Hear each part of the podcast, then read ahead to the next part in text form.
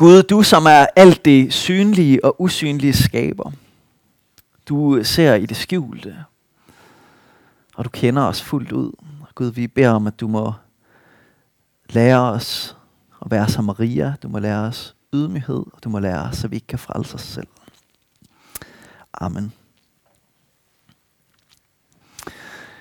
De sidste par gange, jeg har prædiket her i Hostens Valgmenighed, der har jeg prædiket om usynlige ting. Vi har snakket om en usynlig kraft, som vi er dybt afhængige af. Og vi har snakket om en usynlig tro, som gør hele forskellen. Og i dag så skal vi tale om et andet usynligt aspekt ved det at være kristen, nemlig en usynlig værdi. Vi skal tale om ydmyghed. Og hvorfor er det så, at vi skal snakke om ydmyghed? Det, man kan sige, det er der mange gode grunde til. Den ene er, at det er noget af det, Gud han har talt til mig om. Det gør Gud ære til, fordi det har jeg ret meget brug for. Øh, men særligt her det sidste halvår, så har jeg egentlig oplevet, at Gud han har mindet mig om nogle forskellige ting omkring ydmyghed. Særligt da jeg var på retræte i december. Så det er noget af det, jeg har fået, så det er jo det, jeg kan give jer. Øh, sådan er det jo. Øh, så, men det handler ikke bare om min lille verden. Øh, vi skal også se på ydmyghed, fordi at vi lever i en tid, hvor at øh, stolthed og selvpromovering egentlig bliver fejret rigtig meget. Og øh, der er mange, som bliver kendte, bare fordi de er gode til at bygge et brand. Og hvis man spørger børn, hvad vil I gerne være, så siger de, vi vil gerne være kendte. For hvad? Nej, det ved vi ikke. Vi vil bare gerne være kendte. Så skal vi tale om ydmyghed, fordi at vi er en ressourcestærk menighed. Og øh, så skal vi tale om ydmyghed, fordi at vi er en menighed, som kæmper med spørgsmål som, er jeg overhovedet noget værd, og du og jeg til noget? Og så skal vi tale om ydmyghed, fordi at når Jim Collins han siger, ledere, der går fra good to great, de er kendetegnet af to ting. Jeg kan ikke huske den første, men den anden ting, det er ydmyghed. Og så måske det første, eller det vigtigste, det er, at vi skal se på ydmyghed, fordi at i dag er det Maria bebudelsesdag. Altså det er den dag, hvor vi mindes, at øh, Maria hun blev øh, gravid. Hun blev helgen hjalp hende med at undfange Jesus. Øhm, det er mirakel. Det fejrer vi. Så der er cirka ni måneder til jul. Det kan man jo begynde at glæde sig til så. Øhm, så jeg synes, der er mange gode grunde til at tale om ydmyghed. Øhm, og selvom at du måske har hørt mange taler om ydmyghed før, så tænker jeg, prøv at være åben for, at i dag, så kan det være, at du skal lære noget af Maria. Det kan være, at du skal lære noget om ydmyghed i dag, som enten noget, som du godt ved, som du bare skal øh, høre igen, eller noget nyt, som du ikke lige vidste i forvejen. Inden at jeg læser prædiketeksten, så vil jeg give jer et modbillede. Så der kommer et, øh, et billede herop, og øh, det skal jeg nok lige først sige, at øh, det her er ikke en tale om, hvor dårlig teknologi er. Jeg synes, Facebook er godt fundet på. Jeg synes, YouTube er den bedste tv-kanal, jeg har. Så øh, det, det her handler ikke om, at teknologi er dårligt. Det handler ikke om, at vi skal tilbage til en bedre tid. Men når det så er sagt, så øh, læste jeg en historie i avisen i England, da jeg var på retræte derovre i december, og der var det her billede i. Og billedet er et billede af en vulkan, som er i udbrud på Bali. Og det er et bjerg, der hedder Agung. Og da det gik i udbrud, så var der 100.000 mennesker, der blev evakueret. Og så var der nogle få turister tilbage på Bali, og de turister, de var ikke for fine til lige at tage en selfie med vulkanen i udbrud i baggrunden. Eller sådan et billede ligesom det her, som ikke direkte er en selfie, men som bare er selvpromovering med den her vulkan i baggrunden. Og så kunne man jo skrive noget flot om, prøv at se, hvor sjovt det er, at jeg løber her, og øh, den her natur, den er bare helt vildt voldsom. Og øh, på det her billede, der var der så en kommentar på Instagram, hvor der stod sådan her, hvad er der galt med dig? Tusindvis af mennesker var nødt til at flygte, og du bruger det til selvpromovering. Du er et symbol på alt, hvad der er galt med Instagram-verdenen. Det er sådan dejligt kontant, som tingene er på internettet. Og sådan et billede her, det er jo selvfølgelig en stråmand, som man let kan pære ned igen. Øh, men for mig så blev det et billede på den, de modsatte kræfter, der er i den tid, vi er i, i forhold til den ydmyghed, som kristen almindelig lærer os om. Den samme dag, jeg så det her billede i avisen, der havde jeg siddet og talt med en munk, øhm, som, øh, som bare sad og lyttede til mig en hel time. Vi sad og snakkede. Og efter fem minutter, så kiggede han bare på mig, så sagde han, du bliver nødt til at lære at være nærværende og lytte. Og så tænkte jeg, det der det er lige præcis det, jeg har brug for. Det er mega ydmygende. Men han var selv så ydmyg, og så lyttende, og så opmærksom på mig, så han faktisk kunne sige lige præcis det, jeg havde brug for at høre. Og så bliver sådan et billede der, det bliver det modsatte, ikke også? Vi har en, som sætter sig selv i centrum af verden, i en verden, hvor altså, hun burde jo hjælpe det et eller andet sted langt væk derfra, i stedet for at, øh, at bruge vulkanen på den der måde. Og du kan bare tage billedet ned igen. Ydmyghed kan defineres på nogle forskellige måder. En måde at tale om ydmyghed på, det er at sige, ydmyghed er at tale sandt om, hvem du er. En anden definition er, ydmyghed er at spille sin rolle i skuespillet, selvom det ikke er hovedrollen. Altså, det handler om at anerkende sin plads i universet. En teologisk definition, som jeg har læst et sted, den kunne lyde sådan her. Ydmyghed er ærligt at se på os selv i lyset af Guds hellighed og menneskets syndighed. Så der er ret langt fra sådan en selvpromoverende naturkatastrofe Instagram selfie til ydmygt at anerkende sin egen plads i universet. Nå, nu skal vi læse øh, prædiketeksten. Og prædiketeksten er altså Marias lovsang, som er det øjeblik i historien, hvor, hvor Maria hun har fundet ud af, at hun øh, skal have Jesus som øh, verdens frelser i maven. Og øh, så synger hun en sang, og hun siger sådan her. Min sjæl ophøjer Herren, og min ånd fryder sig over Gud, min frelser. Han har set til sin ringe tjener inde. For herefter skal alle slægter prise mig salig, til den mægtige har gjort store ting imod mig. Helligt er hans navn, og hans barmhjertighed mod dem, der frygter ham, bare i slægt efter slægt. Han har øvet vældige gerninger med sin arm, splittet dem, der er hårdmodige i deres hjertes tanker. Han har styrtet de mægtige fra tronen, og han har ophøjet de ringe. Sultne har han mættet med gode gaver, og rige har han sendt tomhændet bort. Han har taget sig af sin tjener Israel, og husker på sin barmhjertighed, som han tilsagde vores fædre mod Abraham og hans slægt til evig tid. Og det, som stoppede mig, da jeg læste den her tekst, det er den spænding, der er i noget af det første, Maria hun siger. På den ene side siger hun, jeg er en ringe tjener inde. Og på den anden side, så siger hun, alle slægter skal prise mig salig. De to ting siger hun lige efter hinanden. Og hvis man sådan piller det fra hinanden, så bliver det næsten skizofrent. Fordi hun anerkender både, jeg har ikke noget særligt, og så anerkender hun, jeg har en særlig plads i historien. Maria var ikke noget særligt menneske. Da hun skulle føde sin første søn, så red hun på et æsel igennem hele landet. Og da hun kom hen til der, hvor hun skulle føde ham, så var der ikke plads til hende, så hun var nødt til at føde ude i en stald. Og da hun havde født barnet i stallen, så lagde hun det op i et fodertro. Altså, det var beskidt. Hvis ikke at Gud havde valgt at bruge lige præcis hende, så havde hun været et støvkorn i historien. Hun havde aldrig fået en plads i historiebogen. En kone til en tømmer i Nazareth. Det, altså det, det er ikke en historie, man skriver i historiebøgerne. Hun er en tjenerinde fra Ringekår, uden nogen særlig krav på anerkendelse eller påskyndelse. Og det er jo fordi, at hun anerkender sit udgangspunkt, at hun kan prise Gud så voldsomt, som hun gør. Min sjæl ophøjer Herren. Min ånd fryder sig over Gud. Han har set til sin ringe tjenerinde. Hun fryder sig over, at Gud vil bruge hende. Gud vil lade hende bære rundt på verdens frelser inde i sig. Og hun glæder sig over, at hun får lov til at blive en del af Guds store frelsesplan. Ikke fordi hun er noget særligt, men fordi Gud vil bruge hende på en særlig måde, til en særlig opgave. Augustins mor, kirkefaderen Augustin, øh, hans mor skulle på sit dødsleje have sagt, ja, vi er smukke, men vi skabte ikke os selv.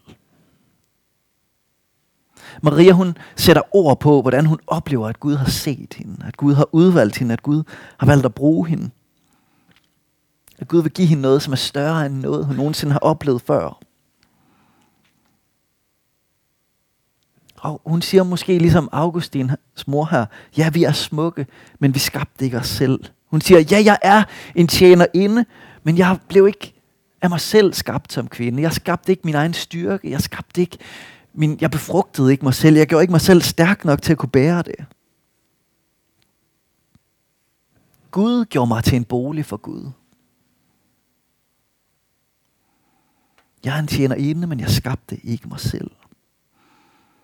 Jeg er en ringe tjenerinde. Jeg er en tjenerinde af ydmyge omstændigheder. Hun siger ikke nødvendigvis, at hun er en dårlig tjenerinde, men bare en tjenerinde, som ikke havde nogen forudsætninger for at være det.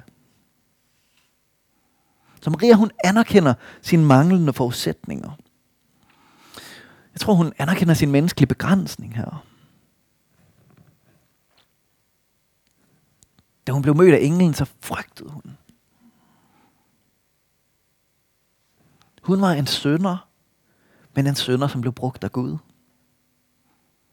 Når vi taler om ydmyghed, når vi læser om ydmyghed ved de åndelige vejledere, så beskriver de her til, at når man lærer Gud at kende, så lærer man sig selv bedre at kende. Og jeg tror måske også, det er det, Maria hun har fat i her, det er, at hun har haft et, et møde med Gud. Hun har haft en stor åndelig oplevelse ved først at have møde med, med, med englen, og bagefter helgenen kom over hende. Og bagefter, når hun så ser på sig selv, så ser hun, ja, nu kender jeg mig selv bedre. Jeg er faktisk en ringe tjenerinde. Jeg er ikke nogen særlig. Og det kan måske godt lyde lidt mystisk, det der med at lære Gud bedre at kende. Jeg tror, hvis man har været på retræte, eller hvis man har haft en stor åndelig oplevelse, så tror jeg tit, at man kan få den der oplevelse af at se ind i lyset, og så opdage nogle skygger ved sig selv. At se ind i kærligheden, og så opdage, åh, oh, der er faktisk nogle steder, hvor jeg mangler kærligheden. Da jeg var på retræte, så læste jeg en bog af Teresa Avila, som er en mystiker fra, fra år 1500, som har skrevet en bog, der hedder Det Indre Slot. Og hun beskriver ligesom, hvordan hun går rundt i sit eget indre slot. Og hun beskriver lige præcis det her med, at når vi lærer Gud bedre at kende, så lærer vi os selv bedre at kende. Og, og i den rejse, der kan vi nogle gange blive mødt med en bedrøvelse. Fordi der er noget ved os selv, som vi faktisk kan se, det her, det måler bare ikke op til, hvor god Gud han er. Så Maria, hun har haft en stor oplevelse, hun har set noget af Gud, og så siger hun, jeg er en ringe tjener inde. Og her taler vi altså om at være syndige. Og det er jo, for nogle af det er jo et beskidt ord, men der er jo faktisk en frihed i at tage det til sig, og kunne sige, jeg er en synder. En del af det gode budskab, som vi har som kristne, det er, at vi er syndere. Errare humanum est, altså det er menneskeligt at fejle. Jeg har nogle gange haft svært ved at tale om synd, så jeg, jeg udtrykker det nogle gange som, at det er godt for mig at anerkende, at jeg har begrænsninger. Det er godt for mig at anerkende, at jeg ikke slår til. Vi er ikke perfekte mennesker. Vi er spejle af Guds herlighed, som er gået i stykker. Vi er billeder af Gud med flænger i. Vi er krukker, som Gud har skabt med skov i. På min retræte, så hver morgen, så var der sådan en katolsk hverdagsmesse. Og jeg er jo ikke katolik, men jeg var med til den her messe alligevel. Øhm, og der var en visdom i noget af det, som de gjorde, som jeg tog til mig. Og en af de ting, som de gjorde om morgenen der, det var, at de havde en syndsbekendelse som en del af deres messe. Og når man ikke er vant til det, så kan det godt virke sådan lidt hårdt eller destruktivt hver morgen at skulle bekende sin synd. Men der er faktisk stor frihed i at anerkende sin begrænsning. Og i hverdagsmessen, så siger man sådan her, jeg bekender for Gud den almægtige, og for jer, mine brødre og søstre. Det kan jeg godt lide. Man bekender for Gud, og for dem, som man lige er med der. At jeg ofte har undladt det gode, og gjort det onde. Eller gjort det onde. Og begge dele er jo synd. Det er jo, at vi undlader det gode, eller at vi kommer til at gøre det onde. Og så står der sådan her, jeg har syndet i tanke, ord og gerning. Ved min skyld, ved min skyld, ved min store skyld. Og det var det, jeg godt kunne lide. Det var det sidste der. Fordi når man siger det, når man siger, ved min skyld, så slår man sig på brystet, så siger man, ved min skyld, ved min skyld, ved min store skyld. Og det var nyt for mig, at slå mig selv for brystet og sige, jeg er en synder. Og det er faktisk et stærkt ritual, og det skal man måske ikke gøre hver morgen. Det ved jeg ikke, om det er en god idé. Men det er jo faktisk godt nogle gange at slå sig for brystet og sige, det er min skyld. Jeg er en synder. Jeg har gjort noget, der var forkert. Jeg er begrænset. Og så skal vi huske, at det står i en spænding, det her.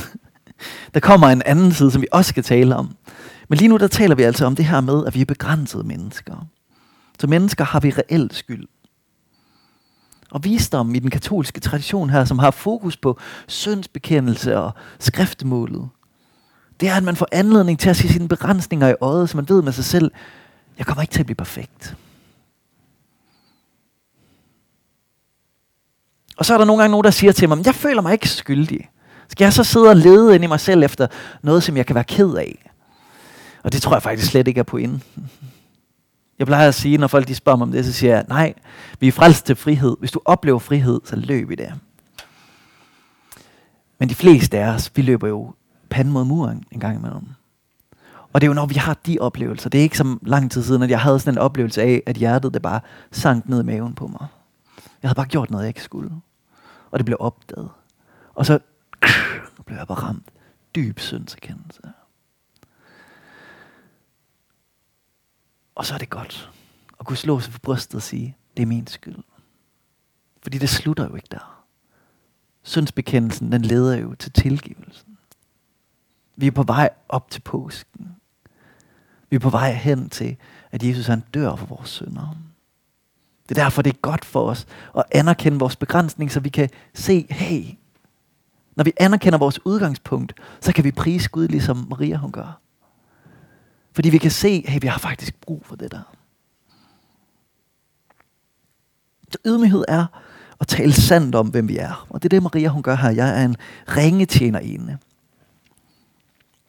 En anden måde at, at, at, ligesom at tale om den her begrænsningsdel af ydmygheden på, det er jo ved at sige, vi skal flytte os selv ud fra centrum i livet. Der er nogen af os, der er ved at læse det målrettede liv her i fasten.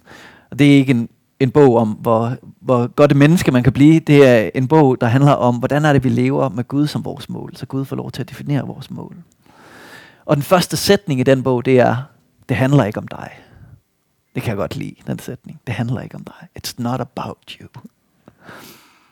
Og i Romerbrevet kapitel 12, som jeg underviste i på vores lejr i øh, sidste fredag, så siger Paulus, have ikke højere tanker om jer selv, end I bør have.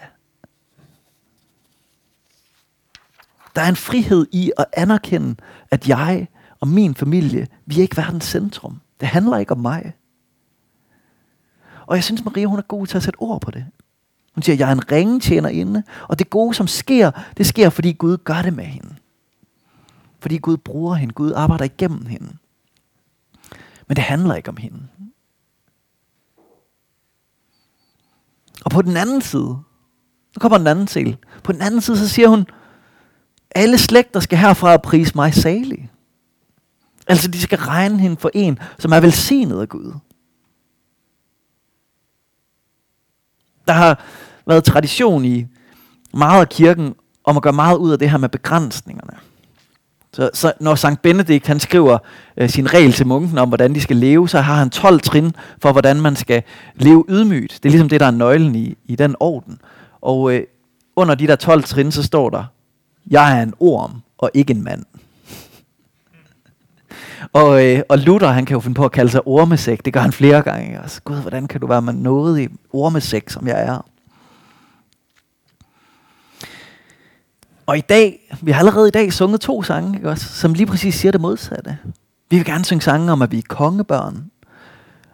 Gud ser på os med stolthed, fordi vi minder lidt om ham. Og sundheden, den kommer jo, når vi har begge dele. Friheden består ikke i kun at være kongebarn. Friheden er bestemt heller ikke i kun at være en orm. Men Maria, hun har ydmygheden, hun har friheden til at kunne sige begge dele. Jeg er et orm, der er blevet et kongebarn. Den bliver nok svær at sælge til jeres børn. Men vi kan sige det som voksne og forstå noget af, hvad det handler om. Jo også. Men når vi taler om den her anden del, så handler det jo om, at vi skal, vi skal begrave noget af janteloven her. Vi skal sige, at der er faktisk noget, som Gud han har givet mig. Der er faktisk grund til, at jeg kan være glad for den, som jeg er, fordi Gud han bruger mig på en eller anden måde.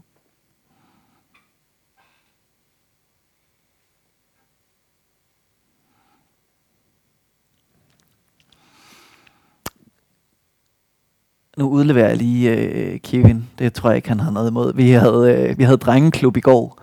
Øh, mig og, og en fyr, der hedder Kevin. Og vi, øhm, øh, vi, vi snakkede med, med de her drenge om, øh, om ydmyghed. Og, øh, og så sagde øh, Kevin, der var på et tidspunkt, hvor han havde været ude og lave et stykke arbejde for, øh, som, som tømmer. Han skulle hænge øh, et, øh, et loft op. Og øh, så kom hans, øh, hans mester gående, og så spurgte han øh, Kevin, øh, bliver det godt? Og så Kevin, han er sjællænder, så Kevin han sagde, det bliver verdensklasse. Du får det ikke bedre end det, jeg laver. Og, øh, og så sagde han, og jo, så vil jeg godt have 10 kroner mere i timen. Og øh, det fik han så. Fordi ham, øh, hans øh, mester, han kunne godt se, at det var jo øh, den helt rigtige attitude. Han, øh, han var noget værd. Han kunne, øh, han kunne bare sætte godt tag om. Og det kan man jo godt gøre i ydmyghed. Fordi han talte faktisk bare sandt om, hvem han var. Nu ved jeg ikke, om Kevin han har fuldstændig styr på balancen. Det, øh, det er heldigvis ikke op til mig, men da, da jeg så spurgte øh, de her drenge, øh, som vi havde drengeklub for, hvad er ydmyghed? Så sagde de, det er det modsatte af Kevin.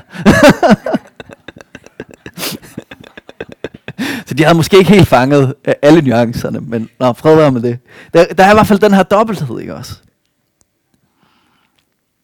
Og måske kan vi, kan vi bare stille os selv de her to spørgsmål. Kan jeg sætte ord på mine begrænsninger? Eller min syndige tendens, kunne man også sige.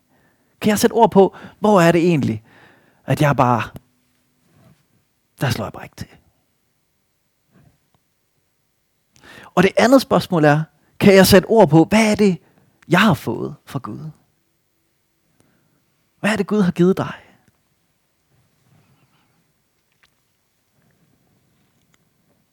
regner du dig selv for salig? Altså for en, der er velsignet, for en, der har fået gave fra Gud. Og her kan vi jo tænke på, vi kan tænke på det, som vi er sammen om i kirken. Altså, vi kan tænke på, at vi er reddet som kristne, at vi har fået en ny identitet, at vi er blevet kongebørn, at vi ikke øh, er bare overladt til os selv. Men vi kan jo også tænke på alt det menneskelige, altså dine evner, din karakter. Det er som du har fået lov til at bidrage med i den her verden. De ressourcer, som du har. Og Maria, hun lever i den her dobbelthed. Hun gør det svære at tale højt om sig selv, uden at være stolt. Og jeg tror, nøglen til at komme derhen,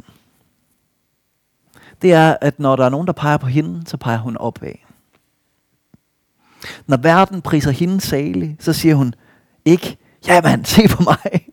Hun holder det ikke på sig selv, men så siger hun, se på Gud. Hun kender sin plads i verden. Og hun ved, hun har fået det hele. Ja, vi er smukke, men vi skabte ikke os selv. Hun modtager det med taknemmelighed og med pris. Hun siger, helligt er hans navn. Og hans barmhjertighed mod dem, der frygter ham, var i slægt efter slægt. Og så synger hun videre om, hvor god Gud er, og hvor retfærdig han er.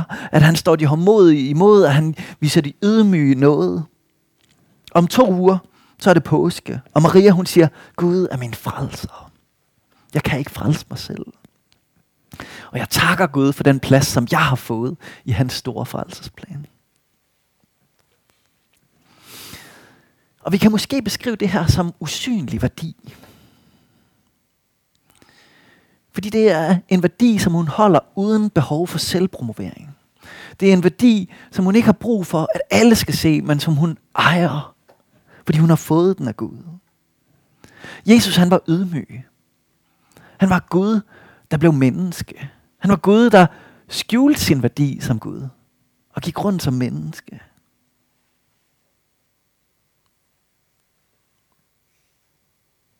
Jeg tror, at Jesus han vil lære dig ydmyghed. Så du kan leve med stor værdi. Også selvom den er usynlig for andre.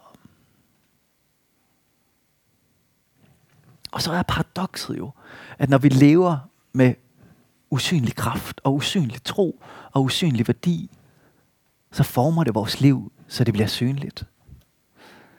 Men det starter som noget usynligt.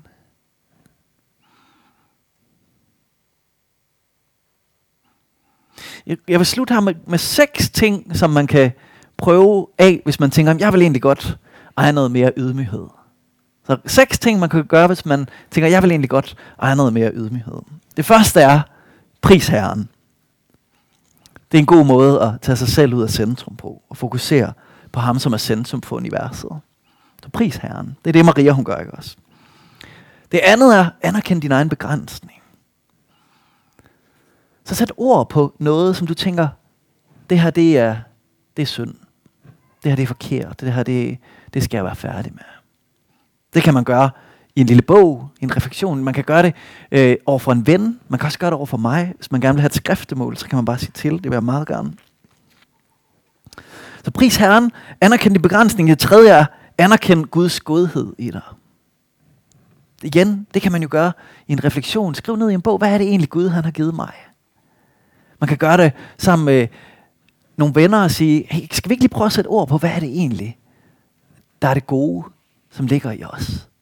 Det er en spændende øvelse. Den fjerde ting, det er, at øh, dit barn er din lærermester i ydmyghed. Lad du dit barn lære dig ydmyghed. For jeg tror faktisk, det har jeg læst mig til, at øh, når man har børn, så kan man ikke få lov til at være centrum i sit eget liv mere.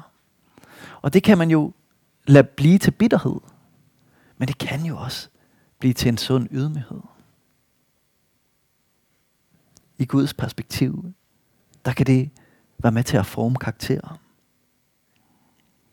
Det femte, man kunne gøre, det er det, som ramte mig. Det er øv dig i at lytte til mennesker.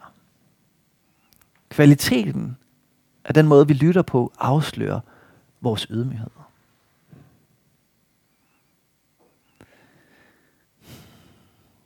Og jeg har brug for at blive meget bedre til at lytte.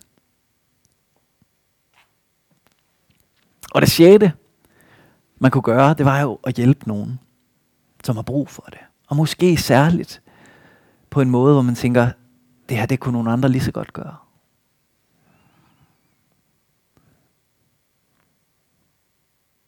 Det var det, Jesus han gjorde. Han kom og hjalp os. Og når vi hjælper andre, så får vi lov til at ligne ham lidt. Og vi kommer aldrig til at blive lige så gode, som han er. Heldigvis. Vi får lov til at være i et ydmygt forhold til ham, hvor han redder os. Og vi i taknemmelighed kan sige, hey Gud, jeg vil også godt hjælpe nogen, bare lidt.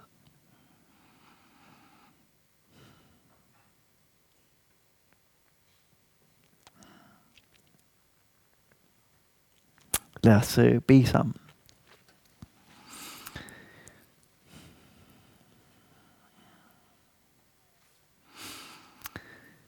Gud, vi, vi ærer dig. Og vi lovpriser dig. Og vi beder om, at vi må få lov til at synge ligesom Maria af hjertet. At du er stor.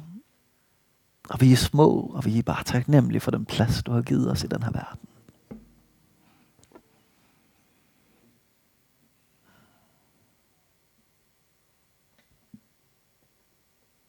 Og Gud, vi beder om, at du må lære os større ydmyghed. Og Gud, vi beder også om, at du, med, du må beskytte os fra selvudslettelse. Så det bliver usundt, når vi taler negativt om os selv. Og vi beder om, at du må beskytte os fra stolthed, så det bliver usundt, når vi taler stort om os selv. Og Gud, vi beder om den ydmyghed, at vi ikke må tale sandt om, hvem vi er.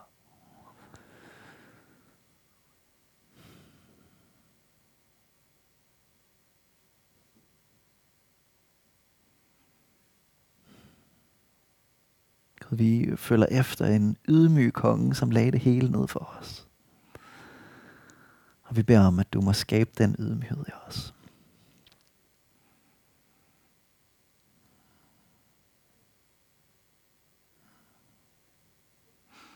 Amen.